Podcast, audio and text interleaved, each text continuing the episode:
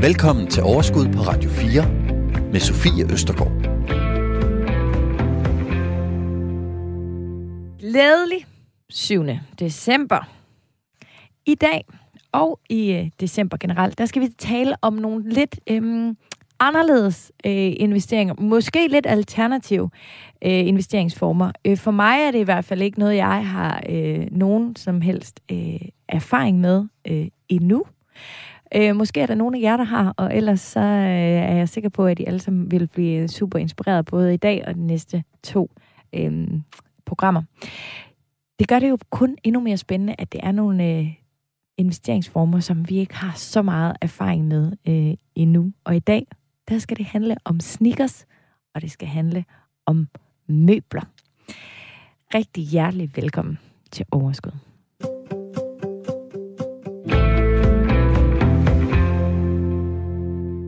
Alexander Timmermann, Yes, velkommen til. mange tak. Jeg har glædet mig øh, rigtig meget til at snakke med dig i dag. Ja, jeg har også glædet mig til at snakke med dig. Det er jeg glad for. Vi skal tale om øh, sneakers, og du har endda taget øh, nogle To par, kasser med, ja. to kasser med. Ja. Men øh, inden vi øh, lukker op for dem, jeg glæder mig meget til at se, hvad det er. Jeg har slet ikke set dem endnu. Nej. Men øh, så kunne jeg godt tænke mig at høre lidt mere om dig. Ja. Hvem er du?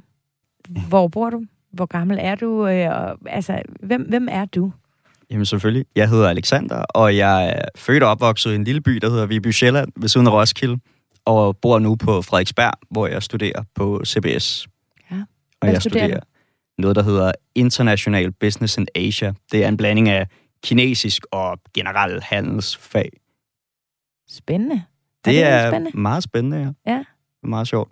Det Lidt godt- anderledes end, end sneakers, men øh, Ja, lidt noget andet. Ja, det er ikke det er der, godt at du får din lidt. viden Nej. til din investering i nej, sneakers. det er sjældent. Nej. Hvornår startede din interesse for sneakers? Det gjorde den rimelig meget i gymnasiet i forhold til sådan personlig brug. Der begyndte jeg at gå op i at gå i sneakers og så videre.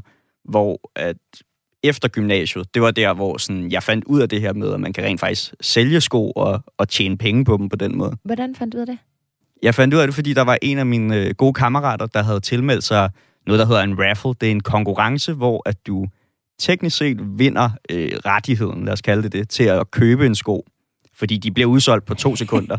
så, øh, så han havde fået lov til at købe den her sko, og øh, så har han solgt den bagefter. Og han havde, jeg tror, han har tjent en 10.000 eller sådan noget, 11.000 på den i ren profit. Og så tænkte jeg ligesom, okay, det, jeg skal begynde at tilmelde mig de der raffles der, fordi det, er, det lyder som en god idé. Ja. Ja. Hvor, og hvor mange år er det siden?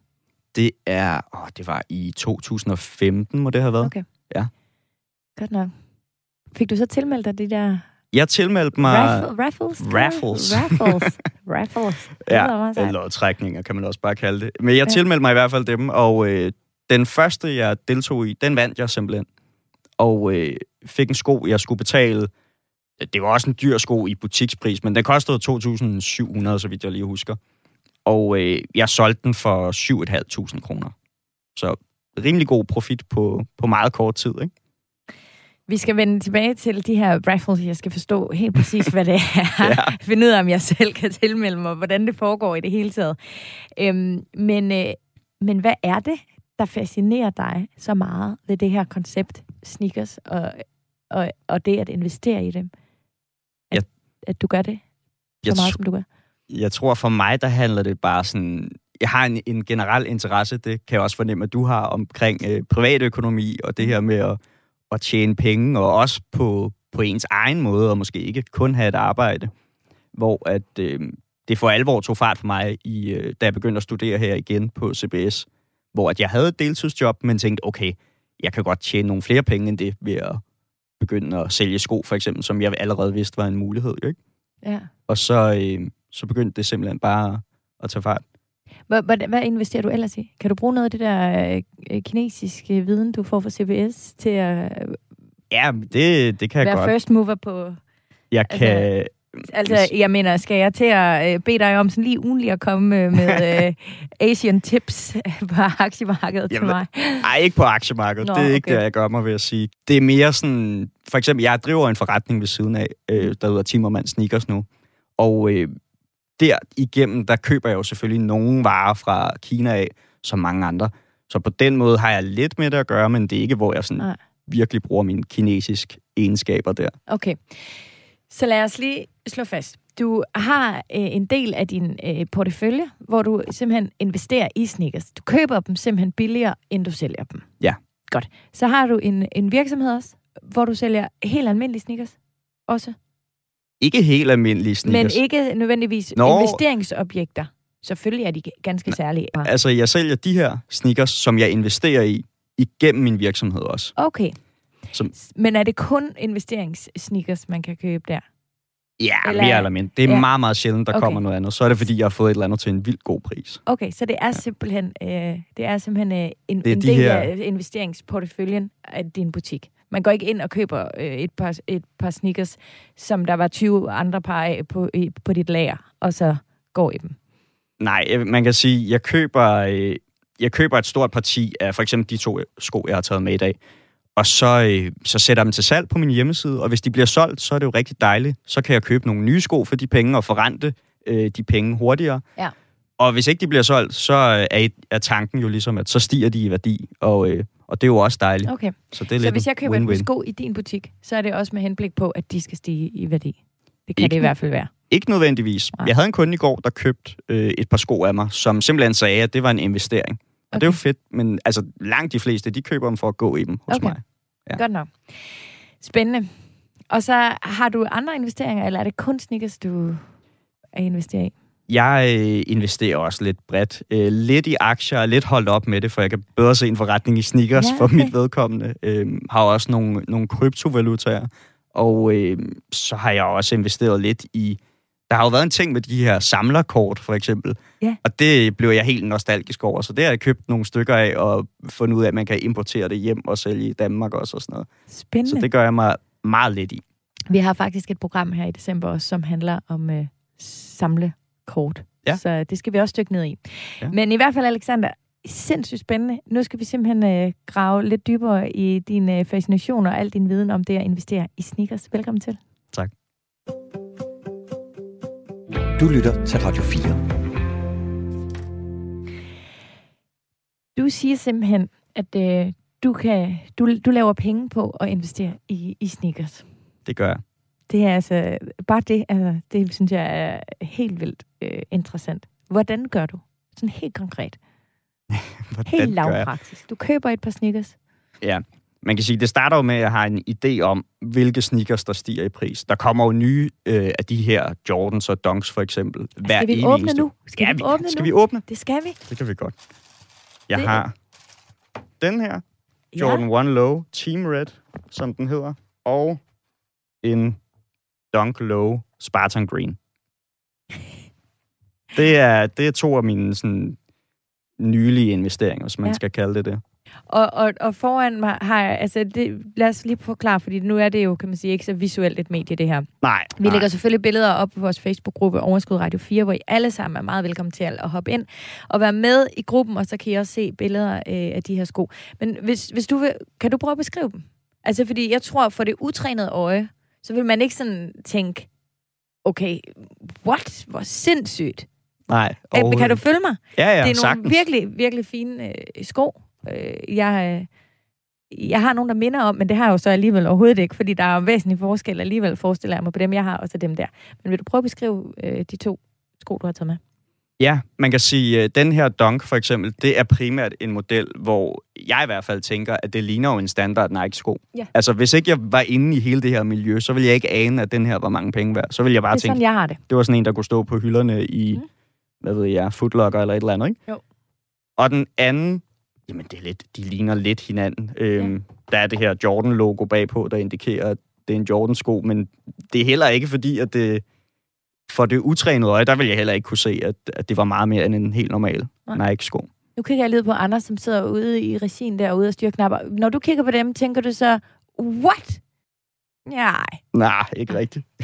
at han siger i mit øre, de er da meget fede, og det er de også. Jo, jo, men det jo, er jo jo. ikke sådan, altså... Det er ikke... øh, Hold da kæft. Nej, vel? Nej, Men, men det kan du, det kan du se, selvfølgelig kan du det. Og hvad er det, der gør, at de her to sko, de så... Lad, lad mig først høre, hvad, hvad, hvad vil markedsprisen være i dag?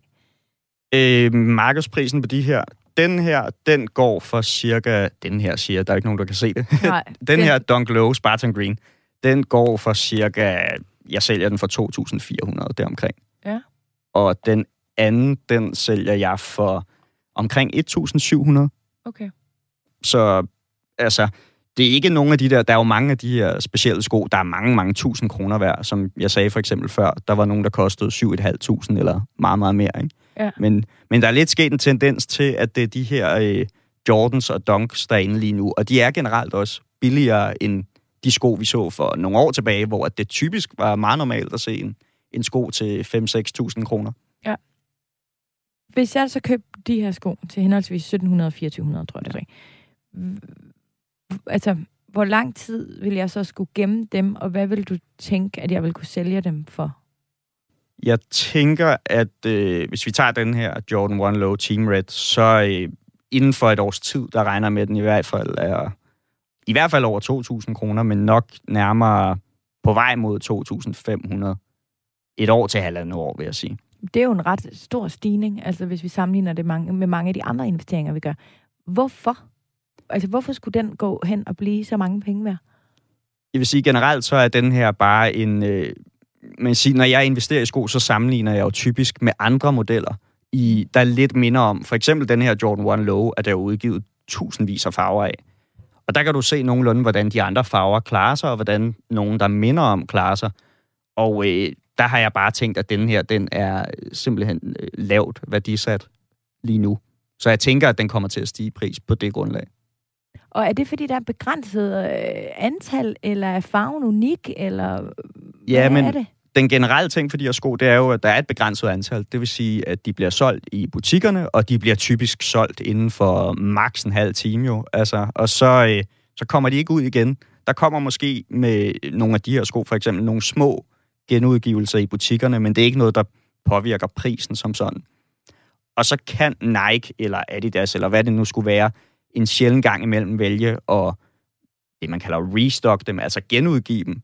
Og så øh, det påvirker selvfølgelig værdien, hvis der kommer mange flere sko. Men det er meget sjældent, at for eksempel Jordan og Dunk, Dunk Jordan og Nike gør det. Er det, øhm, altså, er det så bevidst fra producentens side, altså, at de gerne vil opretholde den her hype omkring skoene? Fordi umiddelbart, hvis man skulle tænke fra en virksomheds altså bund, bundlinjetal, altså, så ville man jo bare spytte så mange ud som muligt, for de kan jo i princippet være ligeglade med, hvad de bliver solgt på på secondhand-markedet. Fuldstændig. Øhm, men, men det er Men- simpelthen den her hype. Øhm, det, der er et meget godt eksempel på det lige nu med, at øh, Yeezy for eksempel, det er jo Kanye West sneaker Mm. mm. sammen med Adidas. Og øh, Kanye West har hele tiden haft en, øh, en vision om, at Yeezys, det var noget, alle skulle kunne få fat på. Men det startede også med at være meget limiteret, hvor det var rigtig hypet. Altså, der var rigtig mange, der ville have fat i det. Nu er de begyndt at printe så mange af den her sko og genudgive dem hele tiden. Og du, alle kan få fat på dem til en nogenlunde pris. Og de er overhovedet ikke lige så eftertragtet mere, som de har været. Og det er derfor, at man bevarer, øh, man kan man sige, de her limiterede modeller, og ikke genudgiver dem, og sådan, for ligesom at opretholde øh, hypen. Til gengæld så laver Jordan og Nike øh, en masse udgivelser hele tiden på alle mulige farver, og det er måske også lidt unødvendigt, men til gengæld så er det jo så forskellige modeller, frem for kæmpe store antal af den samme sko. Ja, okay. Det giver meget god mening. Hvor får du din viden fra om, om, om sneakers? det, det blev jeg spurgt om forleden dag. Det er svært at svare på, fordi for mig der er det jo bare det miljø, jeg er i, og jeg omgiver mig jo af sneakers hele tiden, så det, det kommer helt af sig selv. Men altså meget Instagram og meget øh, ja, følge diverse sneakers-sider og sådan nogle ting. Hvor meget, altså, hvor, hvor mange sneakers øh, har du nu? Det er det måske, måske så ikke derhjemme, fordi du har ligesom gjort det til en butik, eller hvad? Altså, fordi det, Jeg har ikke en tænker, fysisk butik, jeg har dem faktisk... Øh, Du har dem derhjemme. Jamen, for jeg tænker bare, det fylder jo. Altså, det fylder jo noget mere end de aktier, jeg har i min portefølje, kan man sige. Ja. Ja, og det mest syge er, det er, at jeg bor i en etværelseslejlighed, og jeg har, og jeg har 160-170 par sko, ikke? Så det er simpelthen bare fra, fra gulv til loft. Og hvad vil du anslå værdien af? Altså, af de... Er det samlet lager? Ja. Øh, jeg tror i købspris omkring 250.000 måske, eller noget af den stil. 200-250.000. Ja, Ja, ja. Derimellem. Og det, det stiger jo så ligesom øh, øh, løbende, kan man sige. Men der er vel ja. også noget med opbevaringen af de sådan nogle sko. Ja, det... Altså, det dur jo ikke, at man tager dem på og går i dem i en halvt år, så tror man kan sælge dem videre, vel? Jo, Eller det hvad? kan du godt. Kan Det, dem her, jeg har på i dag, for eksempel. En uh, Jordan 1 High Mokka hedder den. Ja. Den købte jeg øh, på udgivelsesdatoen, hvor at den gik for omkring 2300. Og hvis du skal have fat i den her i dag, det er så i helt ny stand, der koster den i hvert fald 3.500, hvis ikke 4.000 i Danmark. Øhm, hvorimod et brugt par, det koster jo så omkring i hvert fald 3.000, ikke? Så det er stadig 700 kroner profit på et par sko, jeg har gået med. det er altså... Det er meget sjovt. Du lytter til Radio 4. Vil du øhm, øh, prøve at hjælpe mig, hvis jeg nu øh, vil i gang med øh, at investere i, øh, i sneakers? Ja. Ja. Hvad vil øh, dit sådan, bedste råd til mig så være? Oh, det vil være at øh, virkelig undersøge markedet, og generelt undersøge, hvad går Jordan-modeller typisk for, og hvad går en Dunk typisk altså, for. du, du siger, Jordan og Dunk bliver begge to Nike, ikke? Jo, jo, altså, ja, Ja, det bare er. Nike Jordan, og det Ja. andet er Nike. Men ja, ja, generelt Nike-sko så, Ja. hvad de går for. Øh, virkelig undersøge markedet, og undersøge, hvorfor det er, de egentlig stiger, og hvad det er, der påvirker det her marked generelt. Ja, okay. Og hvor, hvor, altså, hvor, altså du siger, at du følger nogen på Instagram, og det er miljøet. Altså i, i mit sådan, min omgangskreds, der er det ikke det folk, de snakker om. Nej, Øhm, så det, det kan jeg ikke rigtig bruge til en skid. så hvad gør, hvad gør jeg så? Altså, fordi jeg har, jeg har også ret mange Nike-sko derhjemme. Ja. Øh, og nogle af dem, øh, altså et, et par Nike-sko kan jo godt koste mere end 1700 kroner. Det kan de sagtens. men uden at være den gode investering, som de her, der har en startpris på 1700 kroner, Mm. så kan være. Ja. Øhm, hvordan finder jeg ud af det? Altså, jeg går vel ikke ind i den første bedste sportsmaster, eller footlocker, eller altså, og taler med dem om det. Det kan man godt, men jeg tror i hvert fald, du kan jo engagere dig i, øh, ja, som sagt, sneakermiljøet ved at, at være aktiv på diverse Facebook-grupper. Der er mange Facebook-grupper, hvor at der bliver talt om sneakers og købt og solgt og, og så videre. Og der, der er det ikke unormalt, at folk de, de skriver opslag og spørger ind til, hvad det er, der overhovedet foregår med det her. Hvorfor folk køber og sælger Ja. dyre sko, ikke? Så Ja. det kunne man gøre som en start. Der er for eksempel en gruppe, der hedder Sneaker Market og Fashion Market og whatever. Okay. Og øhm, bliver det annonceret sådan nogle steder? Altså det, fordi du siger, det bliver udsolgt på en halv time. Så det er jo ikke... Øh, altså, så jeg skal være der. Jeg skal være der, når det sker. Ja. Hvordan får jeg sådan nogle oplysninger? Det, så vil jeg følge en, en dansk side, for eksempel, der hedder sneakerworld.dk. Og øh, de har det, der hedder en release-kalender, hvor du simpelthen kan se, hvornår forskellige modeller udkommer. Okay. Og hvordan du kan fortælle, om de er noget værd, det er generelt lige nu i hvert fald, der er det bare typisk sådan, at Jordans og Dunks, det går typisk for noget. Altså det, det er sjældent, de ikke går for noget. Så er det en, en grim farve eller et eller andet, ikke? Ja. Og når man så skal sælge videre, øhm, hvor, hvor, hvor, hvor, hvor foregår det hen? Er det på øh, DBA, eller er der en eller anden sneakersbørs? Eller, altså, hvordan, hvordan gør man det? Jeg tror, at de fleste lige nu, der er engageret i det, de handler i, i Facebook-grupper, og ellers så på Trendsales. Jeg har også selv Trendsales, hvor jeg handler Ah, okay. rigtig meget. Så øh, øh, meget der, det, det vil jeg også sige, det er der, hvor du ligesom får den bedst mulige profit ud af det. Ja. Spændende. Øhm, inde på vores hjem, øh, Facebook-side. Apropos Facebook. Vi har nemlig også en gruppe, og der er rigtig mange lyttere samlet efterhånden. Vi har små 10.000, og øh, der er virkelig gode fifs at, at hente derinde. Men der øh, skrev jeg lidt om, at vi skulle tale med dig i dag, og vi skulle tale om sneakers. Og der skrev Anders Nielsen øh, til mig. Han skrev, jeg har en lille smule praktisk erfaring og en hel del teoretisk erfaring med sneakers. Jeg kom aldrig rigtig i gang med det, fordi jeg synes, at risikoen er for stor. Kan du følge Anders i, øh, at risikoen øh, på den her type investering, øh, den simpelthen bare er, er høj? Nej, det kan, det kan jeg virkelig ikke. Jeg skrev også med Anders inde i, i gruppen om Okay. det. og, øh, og det, jeg ligesom forstod, det var, at han var meget langsigtet i, øh, i sine investeringer i sko.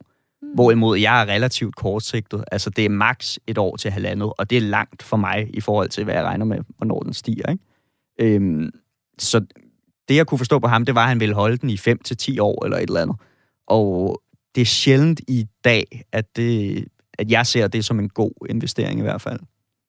Øhm, men, men det her med, om der er en risiko for det, jeg synes, at der er, der er ikke en stor øh, risiko i det, fordi det eneste, du skal være bange for, det er genudgivelser på skoene. Ja. Og, øh, og derudover, så er der ikke det store, der kan, der kan påvirke det så meget. Ligesom Men med en- interessen, det er jo udbud og efterspørgsel, ikke? Altså, så i Lige princippet præcis. kan det jo være, at, øhm, hvad ved jeg, om et år, så er det ikke Snickers længere, så er det Nå ja, lige high præcis. heels, eller et Ja. eller andet andet. Kan det, kan det være? Øh, Ja, lige præcis det her med, når Anders han tænker langsigtet, så det her med, jeg har selv haft nogle sko, jeg har holdt i lang tid, og der er nemlig en risiko for, at de øh, lige pludselig ikke er, hvad kan man sige, ja, de er out of style eller et eller andet, ikke? Ja. Altså, folk ikke gider at have dem mere.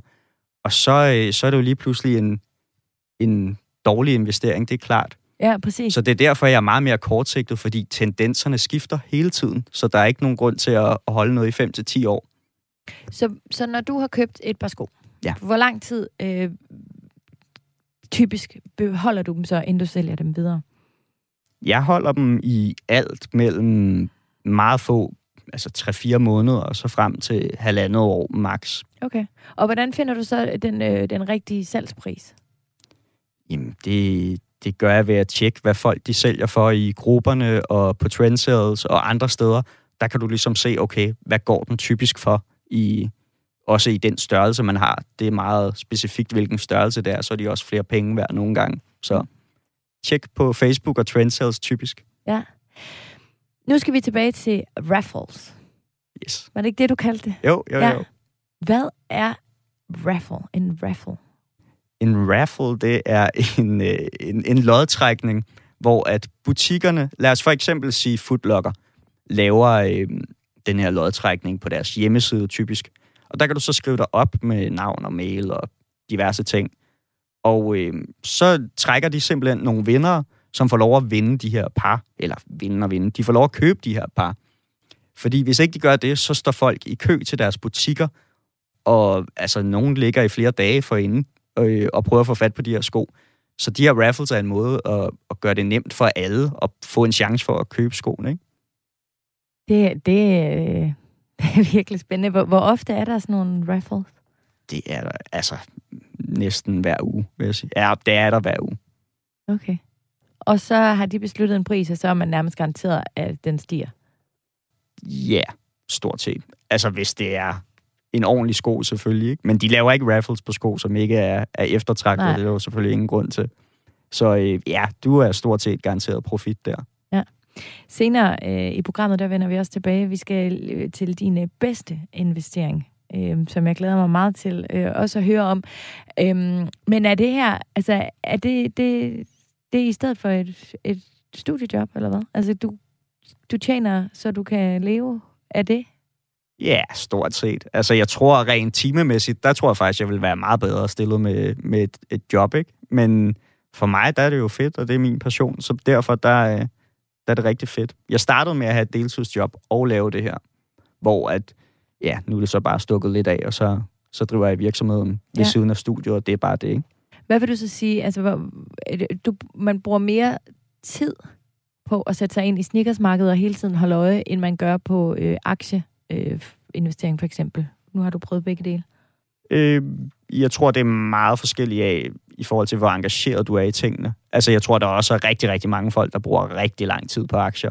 Og, øh, og det samme gør jeg med, med sko. Men det er også primært, fordi det er en hobby for mig jo, ikke? Mm. Og det er sikkert også en hobby for nogen at investere i aktier, selvfølgelig. Så det, det, det er meget forskelligt fra person til person, tror jeg. Kan du se, at det her det er, um, altså det er et marked, der ligesom er, er kommet for at blive, og det er noget, du også vil gøre om for eksempel 20 år? så langsigtet, der har jeg svært ved at sådan spotte, om, om det bliver en god ting eller ej. Altså allerede for et par år tilbage, der sagde jeg også, at jamen, jeg tror sgu ikke, det holder særlig længe det her. Ja. Der var jeg begyndt at kigge efter, om man skulle lave andre ting og sådan noget. Men så kom det lige pludselig op igen med for eksempel Jordans blev kæmpestort, og så, øh, så kørte den lidt igen, ikke? Mm. Jeg, jeg tror, at de fleste mærker har regnet ud, at det er, det er en fed ting, det her. Så det bliver nok ved i lang tid, og ja. sikkert også om 20 år vil jeg, vil jeg stærkt gå ud fra, men jeg, ja, jeg ved det sgu ikke. Det, det er spændende. Ja. Og øh, du bliver her, vi skal tale om øh, øh, din bedste investering senere også, men nu skal vi også øh, tale om øh, møbelinvestering. Er det noget, du har prøvet nogensinde? Overhovedet ikke. Nej. Aldrig. Men øh, så kan du sammen med mig og en masse andre blive klogere, fordi øh, nu får vi en gæst med i studiet. Yes. Du lytter til Radio 4. Det gør du nemlig, og i dag der taler vi om sådan lidt uh, alternativ eller anderledes uh, investering. I hvert fald nogle investeringsformer, som det ikke er uh, alle, jeg kender i hvert fald, der går, går op i, i, eller der lige har stiftet bekendtskab med dem endnu.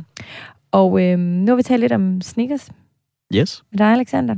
Ja. Og nu skal vi tale om møbler. Jeg kigger først lige under bordet. Jeg skulle lige lure dine sneakers. Peter, har du, øh, har du, øh, har du erfaring med sneakers-investeringer? Jamen, jeg, jeg køber rigtig mange sneakers. Jeg har sådan et fast kriterie, at de skal være meget behagelige, og så må de maks koste 400 kroner. Og så, kig, så kigger jeg over på dig, Alexander. Er det kriterier, der passer ind, hvis man skal ligesom tjene lidt på sine sneakers-investeringer? Nej, faktisk. Begge, begge dele vil jeg sige, ikke øh, kører under ja, det, vi kigger på lige for tiden. Nå. Men øh, heldigvis, Peter, så ved du jo øh, rigtig meget om noget andet. Du kommer fra Brun Rasmussen, og du er leder af afdelingen for design. Vi skal tale om møbel. Møbler. Investering i møbler. Ja. Ja. Er det noget, øh, mange gør sig i, altså investeringswise? Det er jo sådan et, et, et begreb, investering, øh, hvor man kan sige, hvor, hvor starter og slutter man med at investere. Øh, der er rigtig mange, der er samlere af kunst, det kender man. Øh, og der er også rigtig mange, der er sådan, er samler, hvad kan man sige, på, på design. Øh, og jeg plejer at sige, at øh, altså, når man begynder at samle på, på noget, så starter man med hjertet, men man ender tit med tegnebogen, forstået på den Mm. måde, at man bliver klogere og klogere og ved mere og mere om, hvad der er det rigtige og hvad der er det forkerte. Og så kan man simpelthen ikke også lade være at skele til, øh, til hvad der er den gode handel, eller det fornuftige køb, eller lignende. Selvom det egentlig for udgangspunktet jo skal og oftest er en passion og brændende interesse, der, der ligesom gør, at man kommer i gang. Ja.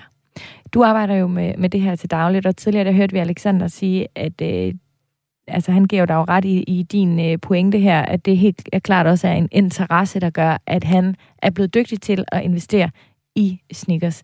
Men, men, men din interesse for, for møbler, hvor, hvor, hvor længe har du haft den? Den går sådan helt tilbage til min studietid, og i cirka sådan 1990 plus minus. Øh, jeg læste statskundskab. Jeg troede, jeg skulle den vej. Og øh, har altid interesseret mig for indretning. Og da jeg så sad og skulle læse alle de her tunge bøger, så var der sådan rigtig mange sjove bøger om design, også dansk design, danske møbler osv., Mm. som det var langt sjovere at kigge i. Der var simpelthen flere billeder. Og, Ja. og så gik jeg på loppemarkedet. Og så var det meget sjovt, når man nogle gange kunne genkende noget af det, man havde set i en anden bog, der var udgivet i måske 1960'erne eller 50'erne, simpelthen stå på loppemarkedet. Og så på det tidspunkt, vil jeg så også sige, så var det altså meget taknemmeligt. Der var på det tidspunkt ingen, der reelt ønskede at have noget dansk design derhjemme. Så det var virkelig, virkelig billigt. Ingen og ingen er måske for meget sagt, men det, det var i hvert fald Var nogle enkelte få? det var, det var meget, meget anderledes prisniveau. Ja. Det gjorde så, at man, altså, fra min vinkel, kunne sidde og læse om nogle ting, som var fantastisk håndværk, virkelig godt lavet, øh, anerkendt øh, i deres tid osv. Men nu stod det altså her på et loppemarked til en 50 eller 25 kroner. Det var det virkelig sådan på det tidspunkt. Ja. Øh, og det synes jeg simpelthen, altså det var for godt. Det var simpelthen for god kvalitet til, til, til ingenting. Og det, Så du opkøbte selv nogle af de... Jamen, jeg begyndte jo at, at, at, at møblere mig selv med de her ting øh, på et tidspunkt, hvor, øh, hvor mange måske synes, det var da noget mærkeligt, underligt teaktræ, palisander. Øh, hvorfor har du de her gamle møbler stående? Det er jo sådan nogle, mine forældre lige akkurat er sluppet af med, og har fået noget ordentligt nyt øh, lysbøgetræ eller kirsebærtræ, som det var rigtig meget på det tidspunkt. Ja. Så kan man sige, så er det så bare accelereret derfra. Og nu er du i i Brun Rasmussen, så din dagligdag består af at vurdere rigtig mange ting, som vi øh, helt almindelige danskere kommer ind med. Ja, altså man kan sige, det, det vi laver i min afdeling, det er jo, at vi øh, vurderer de ting, folk kommer ind med, så tager vi dem ind til salg, øh, så undersøger vi dem, beskriver dem, og så udbyder vi dem på auktion Mm. med formålet om at få den højst mulige pris for de her ting på vegne af, af dem, som vil sælge deres ting hos os.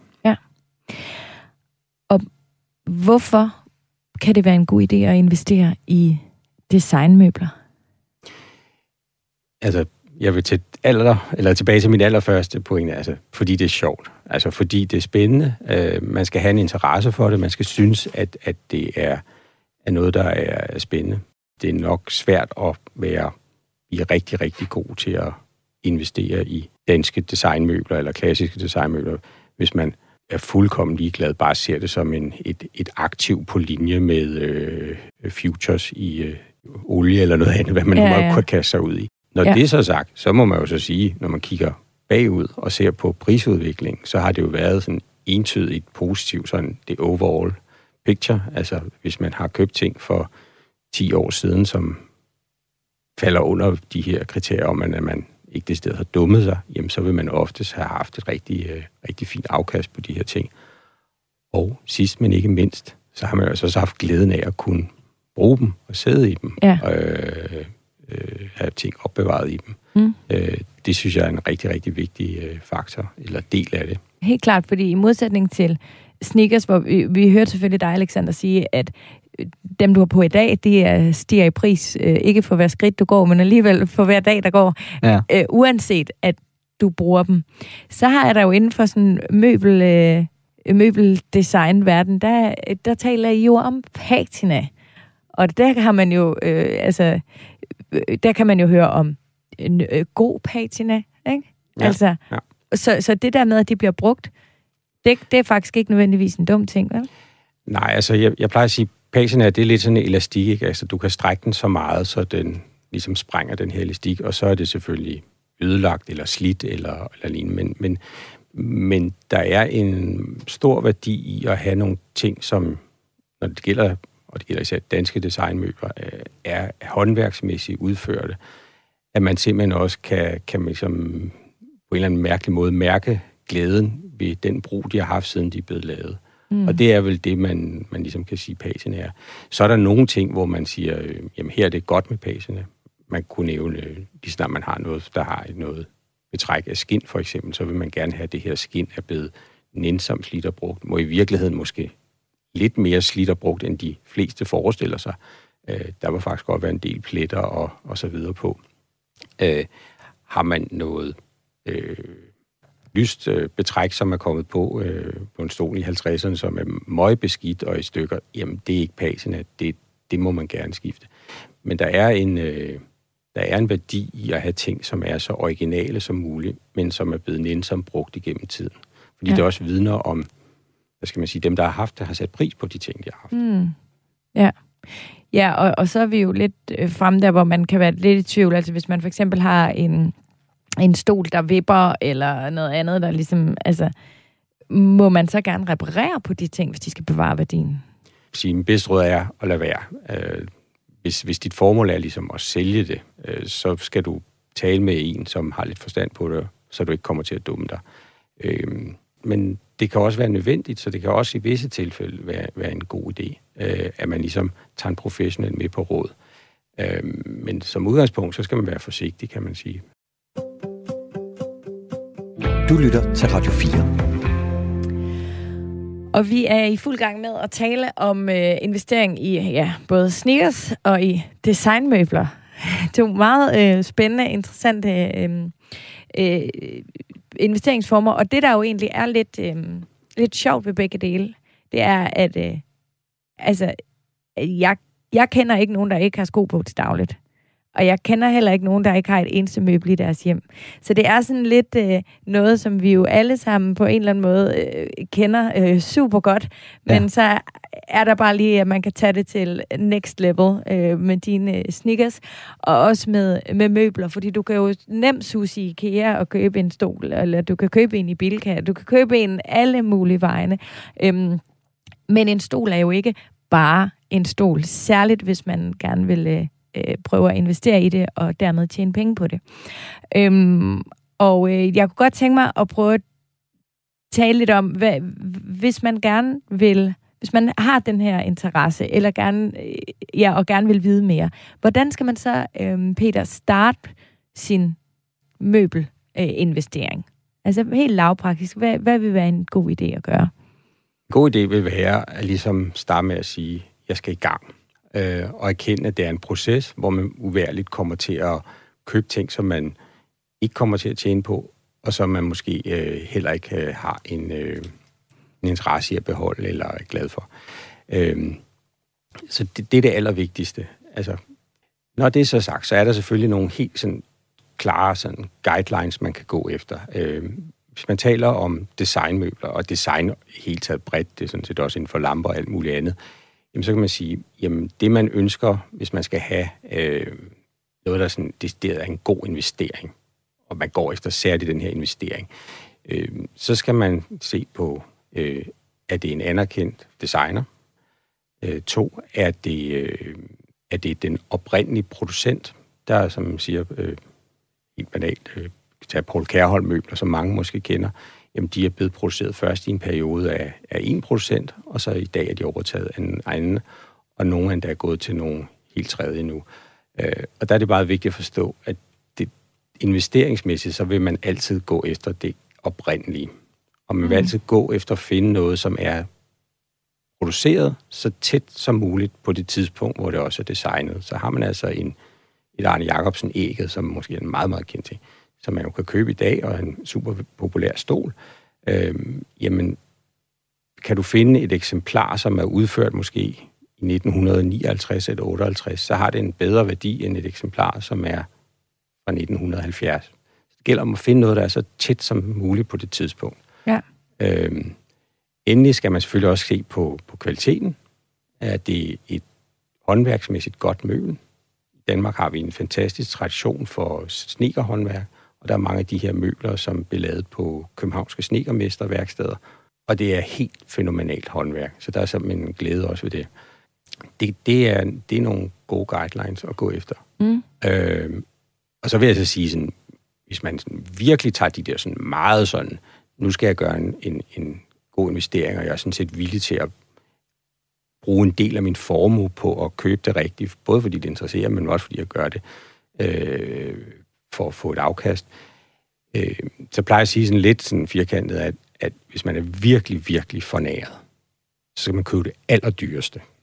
Det allerbedste. Okay. Fordi det er det, som alt andet lige, både historisk set, og måske også, øh, hvis du har fremadrettede briller på, øh, har størst potentiale for at både beholde og forøge deres værdi. Ja.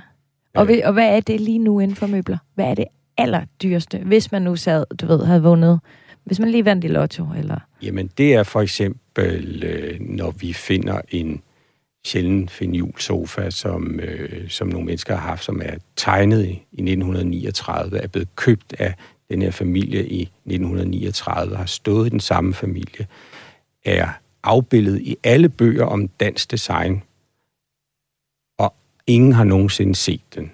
Når sådan en kommer frem, på Gør de nogensinde det? Jamen, det er jo så sket en gang, ja. okay. Men, men, men øh, når, når sådan noget sker, jamen, så er det øh, jo lidt gæt en pris, også selv for en, som er professionel som mig.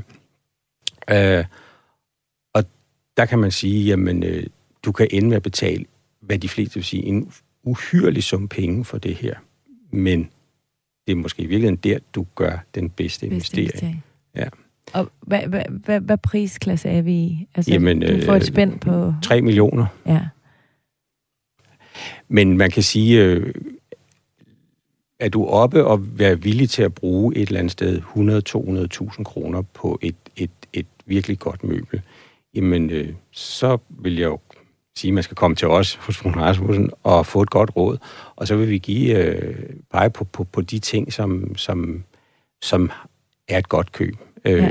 Forstået på den måde, hvad der i hvert fald har vist sig at holde værdien godt. Men så, så, så er der også noget, der sådan lidt skuer i mine øh, ører, eller mm. øjne, eller moder, øh, hvad ved jeg. Hvor jeg tænker sådan, altså så, så er vi, i hvert fald i min verden, ikke der længere, hvor jeg på nogen måde kan bidrage med patina, eller, altså, så vil jeg, altså jeg kunne aldrig stille den hjemme i min stue med mine tre børn, som vil vælte rundt i den med fredagslæg og kødsovs. Altså det vil jo aldrig gå. Altså, nu har jeg ikke penge til at købe sådan en type sofa, men, men er der, altså, der er, er der investorer, som, som har, eller det er jo ikke sikkert, det med investeringen for øje, det kan jo også være det med hjertet, at man simpelthen bare har så mange penge. Vil den så, altså, så vil de så stadig have den stående derhjemme, tænker du? Eller? altså, jeg øh, ved, at der er folk, der køber de her ting og bruger dem i deres hjem. Men, ja. men, men ærligt, det er jo ofte mennesker, som, hvad skal man sige, bruger deres hjem på en lidt anden måde, end du måske bruger din øh, hus eller lejlighed med, med børn, hvor I spiser. Ja. Altså, det er jo, det, det får jo ofte en, måske en lidt repræsentativ karakter, eller en udstilling, eller hvad man skal sige. Øh, så, så på den måde er det da rigtigt, hvis man har en ting til mange hundredtusinder, så vil man passe på den. Øh, ja, millioner. Ja. Men det er jo lidt, nu taler vi med opbevaring øh, øh, med, med dig, Alexander, også, ikke? Altså, hvor du fortæller, at du har, hvad var det, omkring 160 eller sådan noget? Øh, ja, noget i den stil, ja. Par sko derhjemme, ikke? Hvor jeg tænker sådan, gud, det, det, det, det fylder. Men det er trods alt ikke altså, i samme øh, størrelse, kan man sige, som møbler. Fordi hvis, altså, og der, der bliver det måske lidt en udfordring, altså, fordi man jo netop altså det er begrænset, hvor mange sofaer, selvom jeg øh, har fået øh, nogle kvadratmeter til rådighed, altså vil kunne opbevare i, i mit hjem, hvis det var med ren investering øh, for øje. Øh, og er det ikke også, altså det, det kan jo være svært for privatpersoner i forhold til, til opbevaringen, hvis man gerne vil være møbelinvestor som privatperson.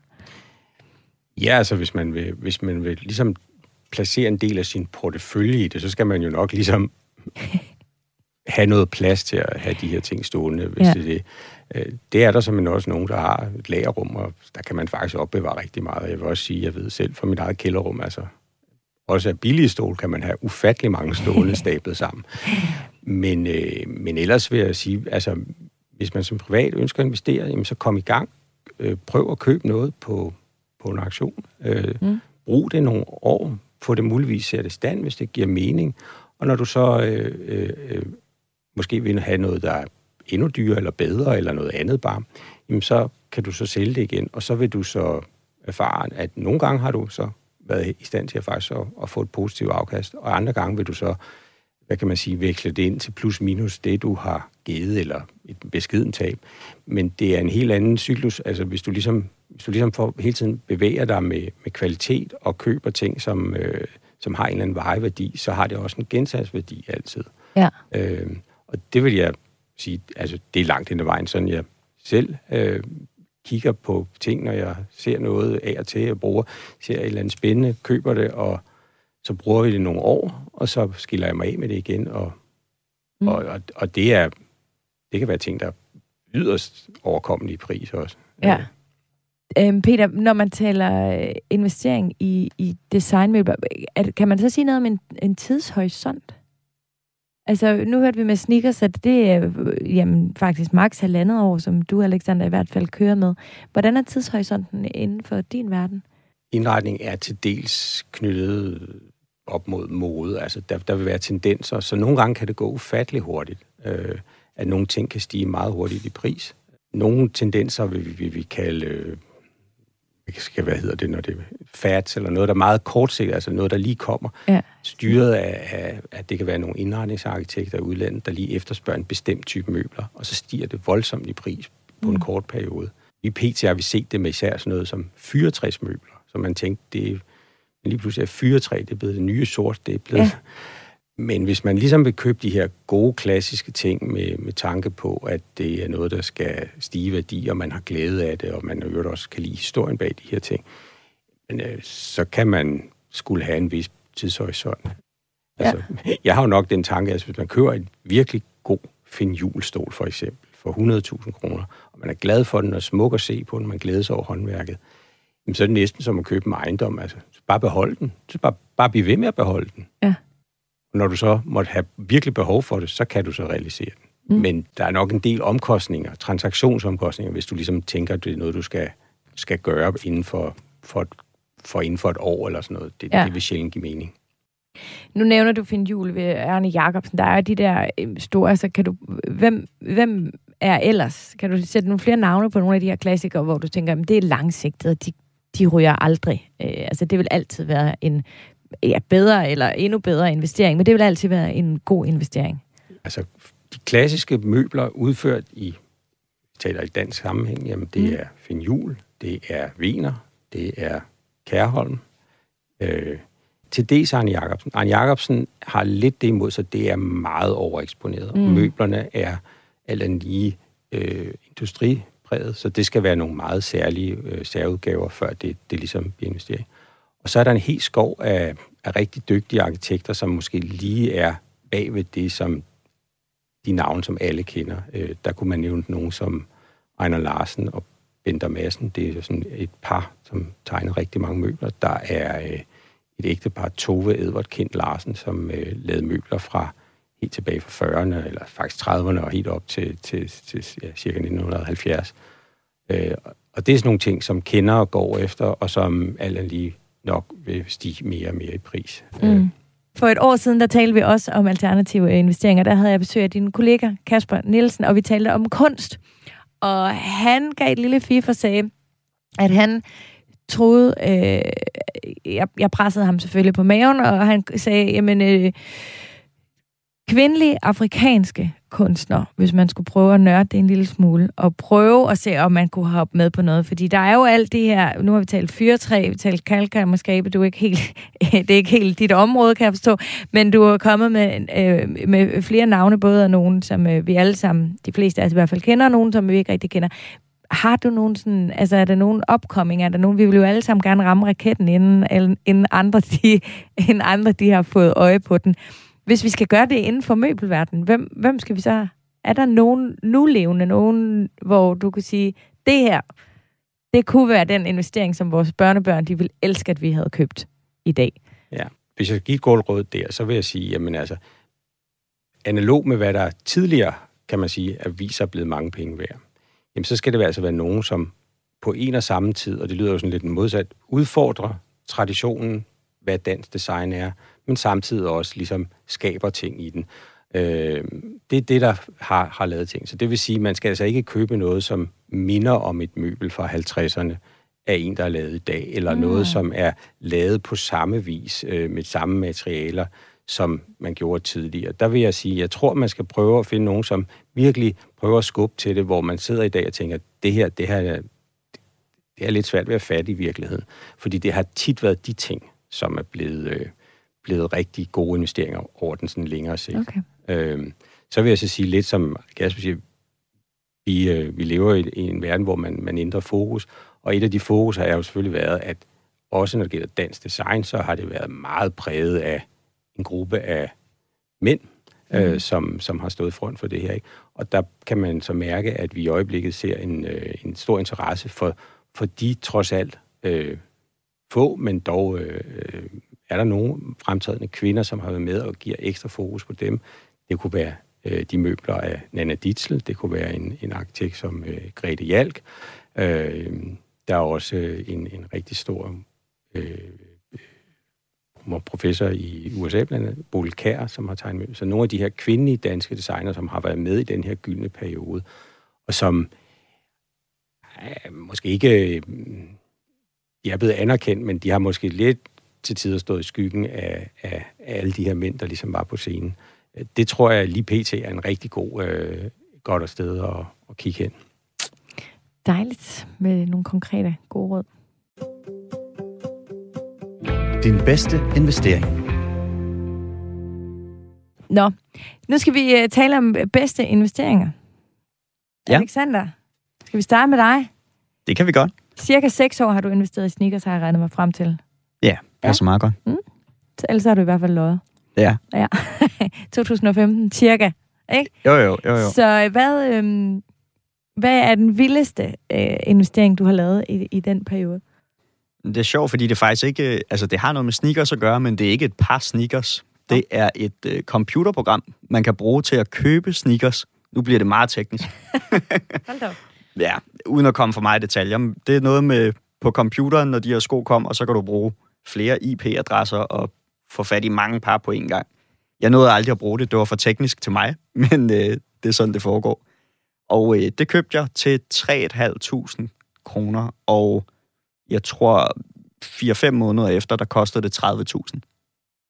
Simpelthen, fordi det, det var der nogen, der jo gerne ville bruge, fordi de troede, de kunne Jamen, der kommer nogle opdateringer til de her programmer, og lige pludselig så performer det rigtig, rigtig godt, kan ja. man sige. Og så er det bare super eftertragtet, og så Nå, det er vildt nok. Og var det en bedre, en investering, en bedre investering, end hvis du selv havde sat dig ned og fundet ud af, hvordan det virkede?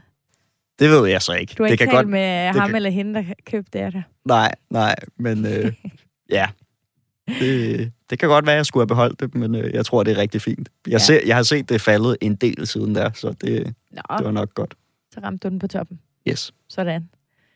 Peter, vi har jo lavet tv sammen for nogle år siden, og jeg ved jo, at der er utrolig mange gode historier at hente ude fra jeres auktionshus med folk, der kommer ind med noget, de ikke aner er nogen penge værd. Så hvad har du Ja. stødt på? Altså, altså jeg vil sige, øh, vi havde en, øh, en ung mor for et par år siden, som øh, havde investeret, hvad kan man sige, 0 kroner i nogle møbler.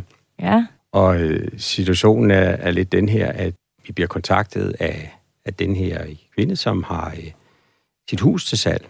Og i den forbindelse, så øh, er der taget billeder af indretningen og så videre. Og der er så nogen, der har set det her, og så bliver hun så ringet op af, af nogen, der siger, ah, men øh, den der grimme sofa, der, der står derovre, den, øh, den, den kan jeg faktisk godt bruge, så hvis du vil sælge den for, for, for 10.000 kroner, så, så kan jeg godt tage den.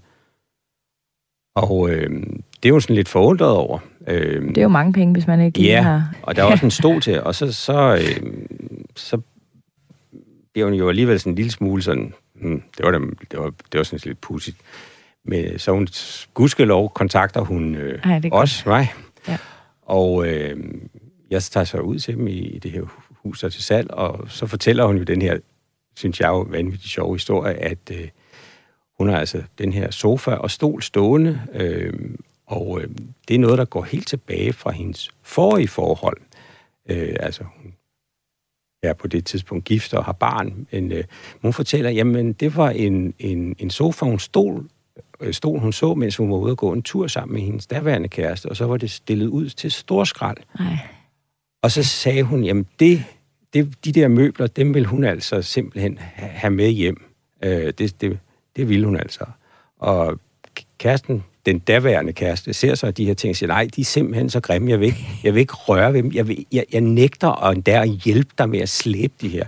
Men stedig som hun er, så går hun altså alene ned og får bukseret både en stor lænestol og en lille sofa hjem til sit, øh, sit øh, hjem på det tidspunkt. Det forhold går så sjov nok i opløsning, og hun får så en, øh, en ny mand, som er arkitekt, Ja og som er sådan lidt, som jeg forstår det, sådan indbegrebet af, af, af god smag. Hun er arbejder øh, inden for, øh, jeg tror hun var læst til læge på det tidspunkt, øh, og har ligesom fået fornemmelsen af hele tiden, at øh, ja, du ved noget om noget, men det der med smag og så videre, der har du altså ikke meget forstand. Øh, og øh, arkitekten, manden der, øh, har nogle gange sine kollegaer på besøg, ikke? Og, og det virker som om, det er sådan en fælles øh, punkt, at de skal fortælle hende, hvor grim den sofa er, og hvor grim den der stol er. øh, men øh, jeg kan jo så fortælle hende, at hun har en meget, meget sjældent fin sofa stående, og en meget, meget fin fin stol stående, som, øh, som jeg vil tro kunne indbringe en, en, en vis formue, og vi får det så ind til aktion og får det på, og hun kommer ind, og øh, jeg tror også manden var med, og det ender med at blive solgt for, jeg tror jeg samlet 600.000 kroner. Ej. Og jeg tror ikke, at manden havde så meget taletid efterfølgende. Ej, hvor er det vildt. Så, så det var en, øh, en, en, en sjov historie, og man kan sige, øh, hun havde, hvad kan man sige, taget de her til møbler af den helt rigtige årsag. Det var, fordi hun synes simpelthen, de ja. var flotte og spændende. Hun havde brugt dem og levet med dem, og nu skilte hun sig af med dem, og så fik hun en rigtig god pose penge til at komme videre for. Og al den modstand, hun har mødt, både at hun selv skulle slæbe, og formentlig har det været let for hende, at det var hende, der skulle have den videre, da, hun gik, da de gik fra hinanden i det første forhold. Ej, det er sindssygt. Det må jo være, altså, når du står med sådan en kvinde, og kan fortælle hende det, eller at hun ser, øh, hvad, altså, hvad, hvad det endelige pris bliver, altså det, hun må jo, altså, hvordan er den oplevelse? Det er jo det er den bedste del af ens job, ikke? Altså, fordi det er jo, når, når vi... Og det må jeg jo sige, meget ofte møder vi jo folk, som vi må fortælle, desværre er tingene ikke så meget værd, som de Ja. havde håbet på. Øh, men når det så engang man lykkes og, og er virkelig overrasket nogen, øh, og så kan man sige, med den ekstra krølle, må det måske også have nogen, hvor man tænker, at det her, det falder måske på et lidt mere tørt sted end Mm. andre steder, så er det også en ekstra glæde. Så det er jo simpelthen så hjertevarmende. Altså. Ja. ja, det kan jeg virkelig godt forstå. Peter Kjeldgaard fra Brun Rasmussen og Alexander Timmermann. Tiden, den er, den er gået. Men øh, det har været rigtig spændende at have besøg af jer begge to og, og høre om øh, lidt, lidt... Altså, jeg føler, det er sådan lidt tavligt, når jeg siger anderledes eller alternativ. Det er jo ikke... sådan, Om det er det jo. Ja, okay, så det er okay. Det er godt. Det er jo noget, vi alle sammen både har sko på, og vi sidder jo som regel også i et møbel, men at investere ligefrem i det, det tror jeg ikke er, at vi er så mange, der endnu har gjort. Men øh, det kan være, at der er nogen, der skal i gang nu, så har de i hvert fald fået en masse gode råd, så tusind tak, fordi I begge to vil komme. Mange tak. Tak for det.